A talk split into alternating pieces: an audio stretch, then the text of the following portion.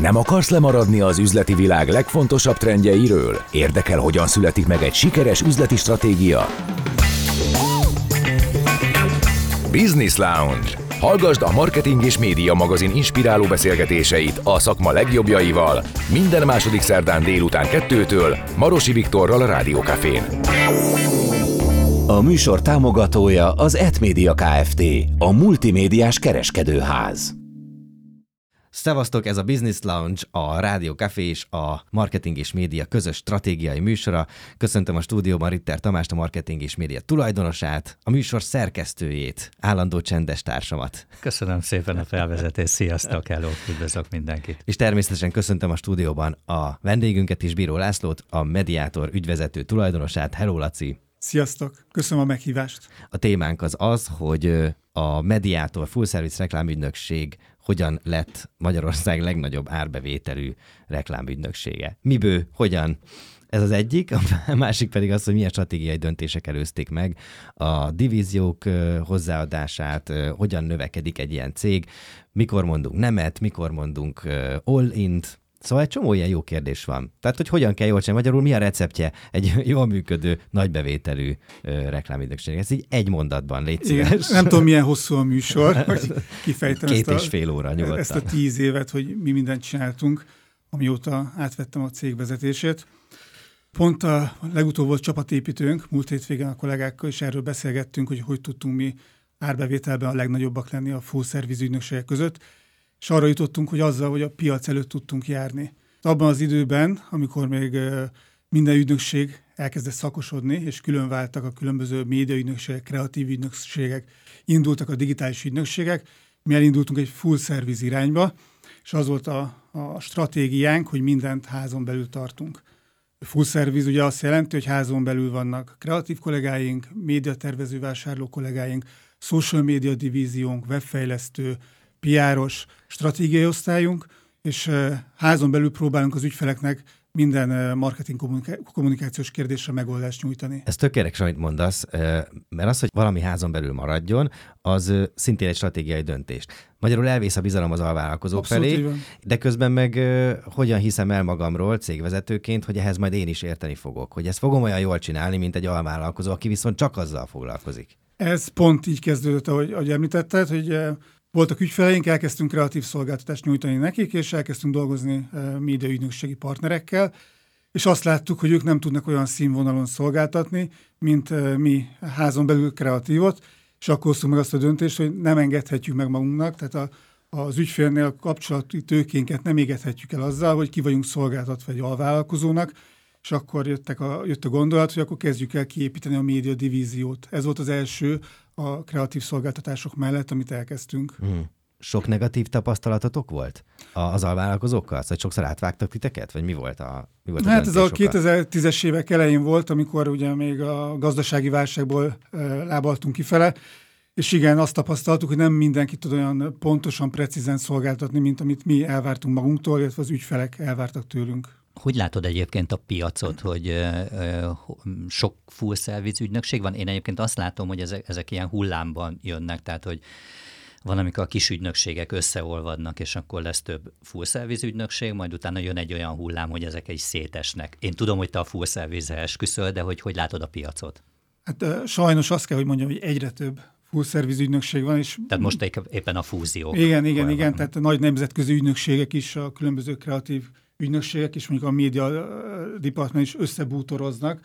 Most anélkül, hogy neveket mondanék, de nemzetközi ügynökségeknél is van erre példa, illetve a magyar tulajdonú ügynökségeknél is egyre gyakoribb az, hogy kialakítanak több divíziót. Ez nekünk nem jó hír, mert ez volt ugye a piaci előnyünk, amivel idáig tudtunk jutni. Ez volt a selling point. Igen, igen, igen. Most pont emiatt pörgünk máson. Tehát, hogy a, a... Min pörögtök? Hát ez az AI, a mesterséges oh, intelligencia. meglepő. Nem, nem meglepő módon, de hogy a következő fél évünk arról fog szólni, hogy mi legyünk a magyar piacon az elsők, akik ö, olyan szinten használják az AI-t, hogy a workflow-ban, a kreatív gyártásban, a, a médiatervekben, mindenhol, tehát minden munkafolyamatban AI-t tervezünk használni 2024 első fél évében. De lehet, hogy ez egy másik műsor témája lenne már. De, de most költöztetek egy, egy izé, óriási új irodába. Akkor mi lesz? Az AI fogja átvenni a... Nem tudom, ez mit, mit jelent a kollégák A, a kollégák, igen, nem kell megijedni, ez nem azt jelenti, hogy a kollégák elveszítik a munkájukat, hanem azt jelenti, hogy egy kollega mondjuk 50%-kal több munkát tud elvégezni ugyannyi energia befektetéssel, vagy 50%-kal több ügyfelet majd tud majd kiszolgálni reményeink szerint. De akkor számon is lesznek kérve, hogyha nem nincs meg az 50% plusz? Figyelj, itt az AI, dolgozzál most már ez 50% Hát amúgy vannak kpi amiket el kell érnünk jövőre. Tehát az, hogy ez a full service a piaci előnyünk volt mondjuk 5 éven keresztül, amit ugye a Covid alatt tudott kicsúcsosodni, ez, ez most kicsit kezd elfogyni, és nem szeretnénk visszaesni a különböző árbevételi listákon se, ezért most az AI irányába teszünk nagyon sok energiát. Hányan dolgoztok most az ügynökségnél? A jelenlegi létszám 110 fő körül van. Tíz év, amikor a, a céghez csatlakoztam, akkor nyolcan voltunk, tehát hogy dinamikusan wow. tudtunk növekedni. Ha, hoztad, hoztad a többieket? Igen, igen, igen. Nem, hát uh, ahogy említettem, elkezdtük a, kialakítottuk a média divíziónkat 2014-ben, majd jött a többi, és olyan 2015-16 körül, amikor a gazdaság is belendült, akkor volt egy nagyon jó időszakunk, nem tudom, 20 tenderből 19-et megnyertünk, és akkor nagyon dinamikusan tudtunk nőni, és pont a Covid eh, előtt értünk arra a szintre, hogy már a nagy nemzetközi ügynökségekkel is tudtunk versenyezni, és amikor beütött a Covid, és eh, minden ügyfél megijedt, és egyre inkább keresték a hatékonyságot, akkor számukra is világossá vált, hogy mennyivel egyszerűbb egy full service ügynökséggel dolgozni, hogyha már amúgy is kifizettem a 15%-os médiaügynökségi díjat, mm. akkor milyen jó, hogy házon belül van annak az ügynökségnek mondjuk egy, egy kreatív vagy egy social részlege is, aki esetleg olcsóbban tud szolgáltatni, mint egy külön ügynökséget megkeresnék. Tehát akkor jól értem, hogy ha itt van ez a médiaügynökségi díj, akkor ez egy, tehát itt ebben az az előny leginkább, vagy anyagi előny, hogy egyszer fizetik meg azt az 15%-ot, és nem kell divíziónként külön-külön mindenkinek megfizetni? Hát így van, természetesen nem adunk szolgáltatást grátisban, mert az nem lenne szabályos, viszont nem kell külön megfizetniük egy kreatív ügynökséget, akinek ugye külön kell mondjuk egy irodát bérelnie, külön van back office részlege, tehát sokkal magasabb. szerint van az árképzése is. Pontosan az árképzése, hanem nekünk, mivel házon belül van minden, így sokkal optimálisabban tudunk árakat képezni, illetve az ügyfélek is sokkal egyszerűbb az élete, mert egyetlen kapcsolattartóval kell beszélgetnie, elmondja, hogy szeretne, nem tudom, egy Opel kampányt mondjuk februárban, és nem kell külön a médiaügynökséggel, a social ügynökséggel vagy a kreatív ügynökséggel egyeztetnie, hanem egy kézbe összefogjuk, és az ő élete lesz sokkal egyszerűbb. Ah. Divíziónként hogyan zajlik a kommunikáció? Hogyan tudnak a kreatív kollégák és a, akár a, a account menedzserek jól kommunikálni? Ö, szoftverekkel, tehát hogy van egy ö, olyan szoftverünk, ami házon belül a különböző osztályokat összeköti. Ezt ti fejlesztettétek le? Nem, nem, nem, ez nemzetközi mm, reklámszakma által használt. Házon belüli szoftver. Nem. Azt is megcsinálták, tudod. Ezen most dolgozunk amúgy pont az ai Komolyan? Igen, igen, igen, hogy, a, hogy próbáljuk úgy tökéletesíteni a rendszerünket, hogy ránk legyen szabva, és arra jutottunk, hogy az a legjobb, ha ezt mi fejlesztjük le. Tehát, hogy egyrészt szoftveresen, másrészt az, hogy fizikailag együtt vagyunk, tehát hmm. akár a, egy, egy kick-off meetingre is nagyon könnyen össze tudunk ülni, és olyan is előfordul, hogy lehet, hogy csak egy kreatív feladatot kapunk, de a médiatervező akkor is beül, mert tudja véleményezni azt, ha mondjuk egy billboard kreatívról van szó, akkor el tudja mondani, hogy, hogy az a felület mitől speciális, hogy a kreatív hogyan gondolkodjon, hisz nagyon jól ismeri azt a, az óriás plakátot. És akkor vannak olyan típusú emberek is, akik az összes divíziónak a szakértelmével rendelkeznek? Meg gondolom itt az is, a, az is érdekes, hogy hogy tudja valaki ezt így összehangolni. Igen, hát a nálunk az ökkel menedzserek, vagy projektmenedzserek, ki melyik ügynökségen, hogy hívják a, ezt a, a szerepkört, értenek a minden divízióhoz, tehát hogy ők azok, akik összefogják a különböző osztályok működését, tud, rendelkeznek egy kis média, média tudással is, egy kis kreatív tudással, egy kis social média tudással is, és össze tudják hangolni a munkát. Nyilván nincsenek benne annyira mélyen mondjuk a social media trendekben, mint egy social media manager, de annyira pont értenek hozzá, hogy olyan brief szülessen a social media osztálynak, hogy az megfeleljen az ügyfél kérésének. Mi a helyzet a versenytársakkal? Ha ma akar valaki egy full service reklámügynökséget alapítani, akkor hogyan, kezd, hogyan kezdjen bele? Most adhatunk tippeket. Ti hogyan kezdenétek ma el? Nem 110 fővel nyilván. Én szerintem ugyanúgy csinálnám, mint 10 éve elkezdtük. Tehát ha van egy olyan ügyfelünk, akinek mondjuk nyújtunk média szolgáltatást, és az ügyfél elégedett, akkor megkérdezném, hogy miért nem bízza ránk a social média kommunikációját is, és nyilván vennék fel social média tudású kollégákat, akikkel ki tudjuk összolgálni, és így kezdenék el terjeszkedni, és majd mind a workflow-ban, mind az árképzésben szerintem tudnék újra olyat mondani az ügyfélek, hogy megéri velünk dolgozni. Az mennyire volt meg egyébként a fejedben, hogy egy ilyen gyors növekedésnél ö, hogyan kell mondjuk a szervezetet felhúzni? Tehát azt gondolom, hogy ez egy ilyen nagyon-nagyon fontos dolog, hogy ö, hogy ne csak a tudás legyen meg, hanem, hanem hogy ennyi embert azt, azt össze tudjál fogni, tudjad őket kezelni. Igen, jó felvetés, mert az energiáim 50%-a legalább ezekre a HR kérdésekre, illetve a szervezetfejlesztésre ment el az elmúlt tíz évben. Folyamatosan alakultunk, ugye teljesen máshogy kellett dolgoznunk, amikor három divíziónk volt, vagy amikor most a hét divíziónk van. Folyamatosan alakítottuk a rendszereket. Az elmúlt két-három évben jutottunk oda, hogy most már van egy fix, stabil rendszerünk, mert most már a rendezvényszervezéstől kezdve, nem tudom, a webfejlesztésig minden megvan házon belül, hm. új területeket nem akarunk már bevonzani. Még. Még egyelőre, bár lehet, hogy pont az AI kapcsán majd lesz ilyen is. Holdra szállás. És most már csak finomítjuk ezeket a dolgokat, illetve próbáljuk minőségben még tovább fejleszteni a rendszereinket. A divízió növekedésnek, most hogy azt mondta, hogy még, vagy már, most nem akartok, de mégis mi az, ami az előszere szokott lenni? Szóval amikor, ugye nem tudom, hány divízióval indult, eleve a... a, a Egyen. Egy divízióval indult a, a, a mediátor, igen, és akkor utána most akkor van nyolc, tehát hogy mi az előszere? Ugye van mondjuk egy feladat, ami egy munka kapcsán előkerül, szükség van valakire, akkor ezt kiadtátok a vállalkozónak, oké, okay. de utána jött az összes többi divízió, volt másfajta előszere is? Tehát nem, vagy mindig a szükség hozta létre ezeket az új divíziókat? Általában a szükség, vagy éppen a lehetőség, mert nem tudom, mennyire emlékeztek rá, de 2014-15 környéken, amikor elkezdtek beindulni újra a dolgok, akkor azért voltak jó szakemberek a piacon. Most ugye megint küzdünk azzal, hogy nem nagyon vannak, tehát hogy nagyon nehéz szenior Ezzel hogyan, hogyan küzdötök meg? És egyébként hol vannak, akik nincsenek itt? Szerintem elhagyták a szakmát. Tehát, hogy a... Szakmát vagy az országot? Ez nagyon jó kérdés, de ha megkérdeznéd, hogy hány péket vagy joga oktatót ismerek, aki, aki korábban reklámos volt, nagyon sokat, azt kell, hogy mondjam, de, de, de. Tehát a szenior kollégák kezdnek nagyon kikopni, fiatalból kevés jön, és hát azzal tudunk küzdeni, hogy egyrészt a mediátort próbáljuk szexivé tenni. Hát, Hogyan?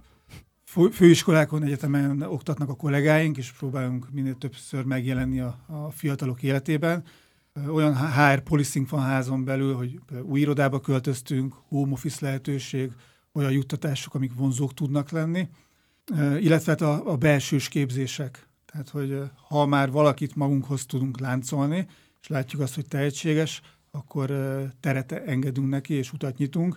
Most is van olyan kollégám, aki 30 év alatt és igazgató a mediátorban, már látjuk benne a potenciált. Ah, még térjünk vissza egy pillanatra, erre azért nem kaptam teljes körű választ, hogy vajon miért hagyják el a szakmát. Tehát nyilvánvalóan, ha valaki elhagyja a szakmát, az vagy a kiégés miatt van, vagy azért, mert nem keres elég pénzt. És akkor a kettő az együtt is járhat. Ma meghatározó lehet-e a döntésben a pénz? Erre azt mondanám, hogy pont egy ilyen szendvics helyzet van, hogy a 20 éveseknek, meg a 40 pluszosoknak már kevésbé fontos a pénz, mert a fiatalokat nem annyira motiválja még, mert inkább a kihívást keresik, meg a, az érdekes projekteket, a, a nekik tetsző trendi munkahelyeket. 40 pluszban pedig már azért, mert vagy már kerestek annyit, hogy, hogy megtehetik, hogy mással foglalkoznak, vagy egyszerűen kiégnek a szakmába, és máshol elhelyezkednek ugyanannyi pénzért. Tehát a, pont ez a 30-as korosztálynak azt gondolom, hogy fontos, fontos még az anyagi juttatás, de de mind a fiataloknak, mind az idősebbeknek ez már, ez már, ez már kevés. Ennél sokkal többet kell nyújtani egy cégnek. Mi a következő lépés? Idén még, még mire, mire készültök? Jön a tender időszak, ezt mindenképp próbáljuk megtolni. És ahogy említettem, a mesterséges intelligencia lesz az, amiben minden energiánkat bele fogjuk tenni, és, hmm. és ezzel mind a saját, mind az ügyfelek életét azt gondolom, hogy meg fogjuk könnyíteni. Legyen így. Köszönöm, hogy itt voltál ma velünk. Nagyon szépen köszönöm a meghívást. Piró Lászlóval, a Mediator Full Service reklámügynökség ügyvezető tulajdonosával beszélgettünk, és folytatjuk mindjárt a Business Lounge-ot Ritter Tamással. Maradjatok velünk! Business Lounge Folytatódik a Business Lounge, és már itt is van velünk új vendégünk, Fabricius Gábor, a Republic Group innovációs igazgatója. Hello, Gábor! Szia, sziasztok! A témánk az leginkább a november 9-10-én megrendezésre kerülő Brand Fesztivál lesz, amelynek középpontjába, most tegye fel a kezét, ki, aki kitalálja, hogy, hogy mi kerül, na mi? Mindenki feltette a kezét. Az AI, mondjuk közösen. Szóval egy csomót beszéltünk már az AI-ról, és, és azért egy kicsit el, most már ilyen bagatelnek tűnik, de azt hiszem, hogy mhm. ebben az évben még sokat fogunk róla beszélni. Az a jó hír, hogy az évből már csak három hónap van hátra. Szerintem aztán éveken keresztül elég sokszor lesz. De aztán meglátjuk, hogy jövőre, már sokan azt mondják, hogy jövőre már, az, már így lenyugszanak a kedélyek, és már arról fogunk beszélni, hogy az AI-t egyébként hogyan lehet észszerűen használni. Na most a Brand Festival az leginkább erről fog szólni, az előadók erről fognak majd elmérkedni, és meg kell kérdeznünk téged, hogy a Republikban használjátok-e az AI-t, és ha igen, akkor mire? Használjuk az AI-t, mégpedig arra, hogy tehát mi úgy tekintünk az AI-ra, mint egy rabszolgára. Ó, egy uh, újabb perspektíva. Bizony. Itt volna eszköz, nem. átveszi a munkánkat. Hát, Na, rabszolga, rabszolga. ez oké, okay, ez tök jó. egy rendes kolonializáló kultúra tehát a, amit jobban tud, azt gondolom az embernél, az, hogy sokkal több ö, adatot ö, szintetizál pillanatokon belül. És, és az, hogy hogy bánsz te ezzel a tudással, vagy ezzel a lehetőséggel, és hogy hogyan rakod kvázi magad elé, hogyan briefeled, hogyan rakatod ki magad elé azt a, azt, azt a spektrumot, amit ő tud, és aztán abból hogyan főzöl tovább, ez rajtad múlik. De azt gondolom, hogy az a fajta a megérzéseken, a, tapasztaláson alapuló emberi, zsigeri megérzést, azt, azt nyilván a gép ahhoz műanyag. És ezt látjuk is azokon a, az anyagokon, amit, amit elénk tol. Viszont sokkal hatékonyabban és sokkal gyorsabban lehet ezáltal dolgozni. Tehát most csak mondok egy valamit, amíg egy storyboard adott esetben négy napig készült el, addig ez most 10 perc mondjuk. Perc, hát nem, mert ugye azért megfelelően le kell neki írni, akkor véletlenül három újat csinál egy embernek Aha. a képen, akkor írod, hogy anatomically correct hand, akkor utána az öt ujjas lesz. Tehát, itt, a, tehát hogy van, van, van, egy ilyen egész, egész fura ö, ö, spektruma, de hogy szerintem szerintem arra jól lehet használni, hogy, hogy kisegítsen nagyon nagy hatékonysággal téged a munkádban. Tök érdekes, mert sokan azt mondják, hogy már csak hónapok, vagy akár egy nagyon szűk év kérdése, hogy ugyanazt tudja majd, amit a, amit a humán erő, hogy ugyanúgy fog tudni érezni, ugyan érzékenységgel tud majd hozzányúlni bizonyos problémakörökhöz. Te erről más gondolsz? Hát nekem nincs más lehetőségem, mint más gondoljak. Mint kreatív szakember. Mint, mint kreatív, meg mint mondjuk író, vagy mint filmrendező. Aha. Tehát én szerintem... Tehát te a, te a kényszer optimista vagy. Én nem kényszer optimista, szerintem nem lehet az embert. Az ember az nem, az nem, az nem kiszámítható. Tehát, mm. hogy itt ez, szerintem itt ez a kulcs. Hogy, hogy ez azért végül valahol mégiscsak kiszámítható. Mert hogy abból a nagyon nagy adatmennyiségből szintetizál valamit, a te számodra, de azok a dolgok már elkészültek valahogy egyszer valamilyen módon. Na most egy Nádas Péter kötetet, azt a Nádas Péter tudott úgy megírni az ő emlékei kapcsán. Tehát ilyen szempontból Igen. azt gondolom, hogy a személyesség az felértékelődik. Az lehet, hogy a mindennapi futószalaggyártásban ez, ez nem lesz jelen, és nem is biztos, hogy jelen kell lennie mondjuk egy, egy, egy, egy banknak egy promóciós kampányában, tehát minek legyen jelen, érted, amikor jelzálog hitelt 85 millió szóra adsz el. De azért van olyan, ö, hogy mondjam, magas színvonalú kreativitás, ahol ha arra szükség van, akkor, akkor az biztos, hogy valahol a humánum és az embernek a, a, a, a jelenléte az, az szükség, szükség, szükségszerű kell, hogy hmm. legyen. A Brand Fesztiválon nem tudtátok ezt kikerülni, ezt a témát? Hát valójában a, a Brand Festival, ami most már talán 20-valahány éve ö, folyamatosan azt gondolom, hogy a, az egyik legnagyobb ö, ilyen konferenciája egyrészt a régiónak, másrészt Magyarországnak is, az, azzal foglalkozik, hogy, hogy hogyan tudja tetten érni az aktuális reklám, kommunikációs és kreatív ipari trendeket. És ö, azt látjuk, hogy a legnagyobb kihívás jelenleg az, hogy hogyan lehet úgy költséget csökkenteni egy ilyen recesszív időszakban, egy ilyen elképesztő inflációs környezetben, hogy azért az a hatásfok, vagy az a hatékonyság, amit eddig mondjuk egy reklámügynökség, vagy mondjuk egy márka kommunikációs területe biztosított, ez megmaradjon. És úgy látjuk, és nem csak mi, hanem azok a szakemberek, akik a Brand Fesztiválra érkezni fognak nemzetközi vonalról is, hogy az AI egy, egy ilyen booster, booster, vagy egy ilyen katalizátor, ami, ami alkalmas arra, hogy ezt, ezt a költségeket lent tartsa még ugyanide engedj meg egy kérdés, most egy picit, mint filmrendezőt kérdezlek. Ugye tavaly előtt mutatták be az Eltörölni Frankot Igen. című filmedet, Igen. ami egyébként nagyot ment, legalábbis a médiában sokat lehetett róla olvasni, és ha jól tudom, sokan is nézték meg. Igen. És ugye te, mint filmrendező... felkerült. Akár, Javaslom igen, itt a reklámhelye. Szóval, hogy, hogy filmrendezőként, filmíróként hogyan tudod ezt a rabszolgát jól használni?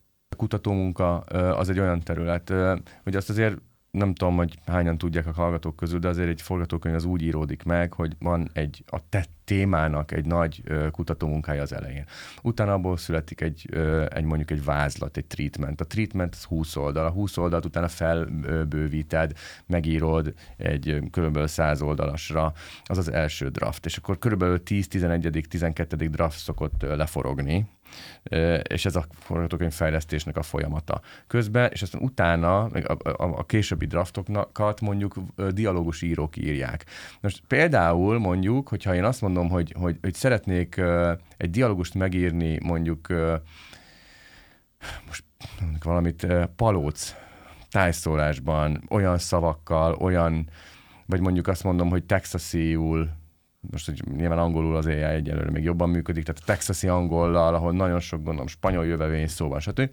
Akkor mondjuk, hogyha egy ilyen briefet írsz az AI-nak, akkor, akkor kitesz eléd például egy, egy, mondjuk egy mintadialógust, és akkor nem kell végigmenned mondjuk a, a, annak a beszélt nyelvnek az ilyen, ilyen árnyalatain. De utána a végső dialógust mondjuk egy filmben azért nyilván te fogod megírni, te fogod érezni azt, hogy, hogy hol lesznek a hangsúlyok, hol lesznek a, hol lesznek a súlypontok, tehát ezt nem fogja tudni megírni azért egy gép. Nagyon csodálkoznék, ha ezt meg tudná valaha is írni egyébként. Nálatok a Bent Fesztiválon hagyományosan mindig nagyon-nagyon sok külföldi előadó van. Van-e olyan, amit a, ami, ami külföldön már sokkal jobban működik, akár AI szempontból, mint nálunk? Vannak-e best practices például? Igen, tehát hogy, hogy én kettő előadót emelnék ki. Az egyik az a Mara Detman, aki a BBH-nek, a londoni BBH-nek a strategy és content leadje, és ő olyan területeket fog bemutatni, hogy az angol és a nyugat-európai piacon nagy márkák hogyan használnak AI-t, hogyan használnak a content előállítására gyakorlatilag teljesen minimális humán erőforrás befektetéssel tartalmat márkák. Tehát hogyan árasztják el, hogyha úgy tetszik, az internetet, a social media platformokat, anélkül, hogy folyamatosan TikTokereket, meg Instagrammereket, meg celebeket, meg én nem tudom kicsodákat pörgetnének, elég komoly büdzséből, és hogyan képesek így a figyelmet fenntartani. És erre nagyon ö, komoly best practice-eket fog hozni, és azt gondolom, hogy ez, ez, ez azért nagyon érdekes, mert, ahogy mondtam, egyrészt iszonyatosan költséghatékony, másrésztről pedig, pedig lehet, hogy bizonyos értelemben jobban is, tehát clickbaitebb, hogyha úgy tetszik a dolog.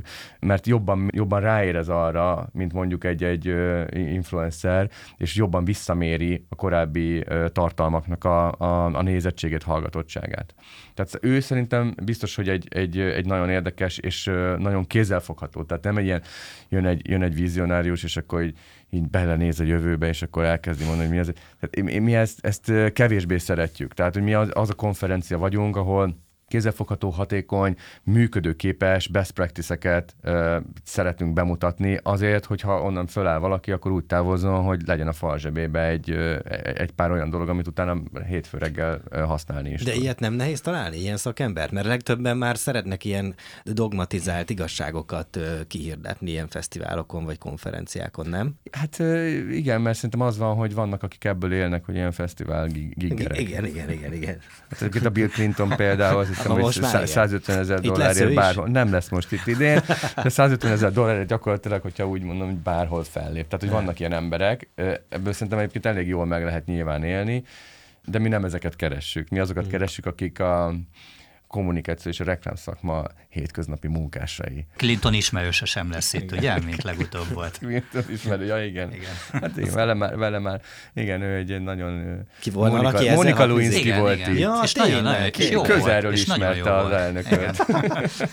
Mondjuk ki, mondjuk ki. Hát kimondtam. Közelről ismerte az elnököt. Egyébként tényleg nagyon jó, nagyon jó előadása Jó volt. volt.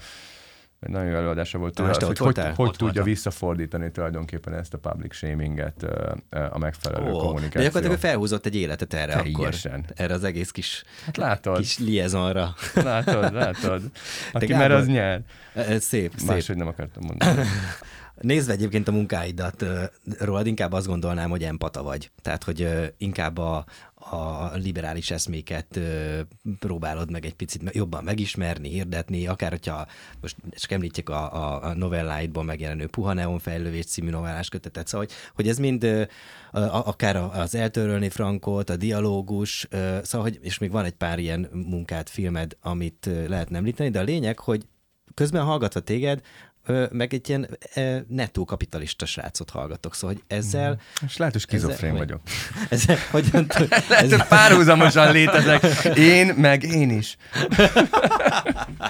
Nem, egyébként, egyébként ez tök érdekes, mert szerintem ez az átjárás a, a reklám szakmában, tehát amikor kérdezték tőlem, hogy na jó, jó, de hát mi az, hogy kreatív igazgató? Olyan nincs. Hát valaki vagy kreatív, Vagy vagy, igazgató. vagy igazgató. De egy kreatív igazgató. Tehát ez egy olyan hibrid, ami nem létezik. És, és ugye ez az agyadnak végül is a két agyféltekéje, és az a kérdés, hogy hogyan tudsz me- melyik pillanatban melyik részében lenni.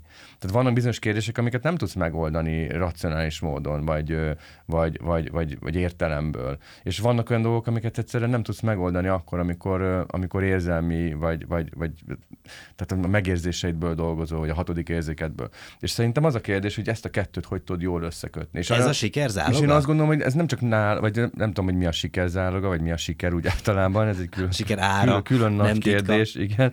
De azért azt gondolom, hogy, hogy szerintem a, a nagyon nagy formátumú vezetők egyébként a, a világban, tehát hogyha nézek mondjuk egy Steve Jobsot mondjuk, tehát a, a Steve Jobs, azt, azt én konkrétan tudom, hogy, hogy az tipográfiával, meg kalligráfiával foglalkozott. Tehát ez, ez az ember el volt szállva abban, hogy, hogy tussal hogyan lehet gyönyörű kalligráfiákat írni. És ezért lett egyébként az Apple olyan, hogy, hogy a kezdő Apple Macintosh, az a grafikusoknak volt így a mekkája. Tehát, hogy az volt az a gép. És nem véletlen, hogy, hogy ebből a fajta világból született aztán meg, aztán persze nyilván sok innováció, meg bla bla bla, de hogy azért ott mégis volt egy ilyen, egy ilyen, ilyen vonatkozás. Tehát, hogy én szerintem nagyon fontos, hogy, hogy, hogy, hogy ez mind a kettő jelen legyen, és egyébként nyilván Például mondjuk, hogyha azt mondom, hogy Brand Festival, akkor ott is ezt ö, ö, tartjuk jónak, hogy ne egy elszállt ö, kreatív konferencia legyen, és ne is egy technokrata ö, nagyon, nagyon száraz történet, hanem a fúzió, és ez a fúziós dolog, ahogy egymás megtermékenyítik ezek a különböző területek, ez a fúzió legyen jelen, a, és ebből tudjanak tanulni az emberek. Egy ilyen, egy ilyen összejövetelen ö, mi az, amit tudnak kamatoztatni akár a jelenlévők. Tehát, hogyha meghívtok, ez milyen hangzatos, hogy uh-huh. eljön egy Monika Lewinsky, aki idén nem jön el, de hogy mi az, ami, mi az, ami esetleg visszajelzésként egy pozitív löket a jövő évhez. Tehát ami, amiből tényleg, amit tényleg el tudnak vinni a, a, a hallgatók. Hát szerintem, amit ö, próbálunk és csinálunk, az az, hogy nézőpontot formálunk. Tehát az, hogy 2024 az egy olyan év lesz, amiben úgy érdemes nézni a dolgokat, a mentén, hogy. Tehát, hogyha úgy tetszik, akkor ez egy évértékelő, ahol az ember belenéz az évbe, és azt mondja, hogy így érdemes hozzá, így érdemes látni a dolgokat, így érdemes értelmezni a dolgokat. Van egy guide, ami, ami mentén érthetővé válik egy csomó minden. És aztán utána ehhez pedig konkrét eszközök is ott vannak, ami mentén utána a napi szinten ezt le fogod tudni hozni a, a mikromanagement világába, és meg fogsz tudni oldani egy csomó olyan dolgot, ami addig problémát jelentett neked, vagy nagyon drága volt, és a büdzsédet vitte el. Tehát egy, egy, egy általános big picture, egy, egy bird's eye view, vagy egy madár mm, szemszögből a világ, és aztán utána a konkrétumok szintjén pedig a hasznosítható eszközök. Tehát ez, ez, ez mindenképpen, hogyha végig ö, ül valaki egy ilyen konferenciát, akkor ez, ez az átgondolás és ez a szerkesztettség, én azt gondolom, hogy ez mindenképpen óriási versenyelőny nekünk az összes többi hasonló konferenciához képest, ami Magyarországon van. Ezt tudom, ezt tudom állítani, és ezt meg tudom védeni bármelyik konferencia tulajdonossal szembe, ha ide ül mellém. És el, elkezd, elkezd kiabálni, hogy ez már pedig én miért mondok ilyet. Örülök, hogy ezt elmondtad, mert hogy az záró kérdésem az az, hogy hogyan lehet tekinteni úgy a 2024-es évre, meg aztán a további évekre az AI árnyékában vagy fényében, hogy ne a kapitalistáknak játszon a világ, hanem azt mondjuk, hogy az öt napos munkahétből lehet négyet csinálni, uh-huh. és akkor majd rabszolgának nem az embert, hanem az AI-t fogjuk használni. Abszolút, tehát ő egy rabszolga. Ha, vagy, ez, ez ne vagy ugye már, meg nagyon kapitalista, az azt mondja, hogy hát dehogy is, akkor most lehet másra használni az energiát, ugyanannyi, ugyanannyit kell dolgoznia mindenkinek, csak nagyobb termelést tesz. Tehát a növekedés, az szerinted ilyen szempontból az AI hát, árnyékában mennyire Ez egy fontos? nagyon érdekes, de ez egy kultúrantropológiai kérdés, mert amit te most föltettél, hogyha én ezt ezt mondjuk a kínai uh, működési elv, a Bibó István írt egy nagyon komoly anyagot egyébként a kínai uh, mondjuk kulturális uh, és gazdasági működési elvről. Tehát az, hogy ott, ott a, a, a performance az, ami igazából csak is számít, és semmi más. Ehhez képest az európaiak, azt gondolom, és az amerikaiakkal szemben is az európaiak valami, valami egészen más világot szeretnének.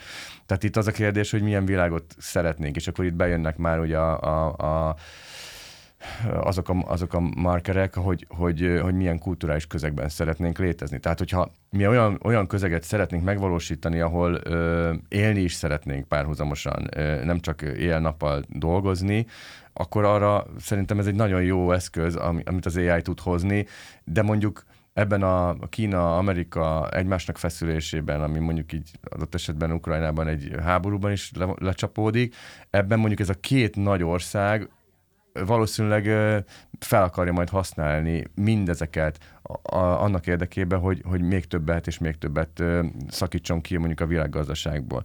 Tehát szerintem ez egy, szerintem itt, és akkor itt jön a filozófiai kérdés, meg a társadalom filozófiai kérdés, hogy mit akarunk magunknak, meg mit akarunk a saját gyerekeinknek, és hogy hol, hol, hol van egy élhető, fenntartható világ, egy fenntartható bolygó, bla bla bla, tehát hogy bejönnek ezek a kérdések is. Én azt gondolom egyébként, hogy vállalati szinten azért ilyen szinten nincs, nincs, nincs gondolkodás erről. Nagyon jó volna, hogyha mondjuk a, a, a politika vagy a, a társadalom formáról erők szintjén lenne erről gondolkozás.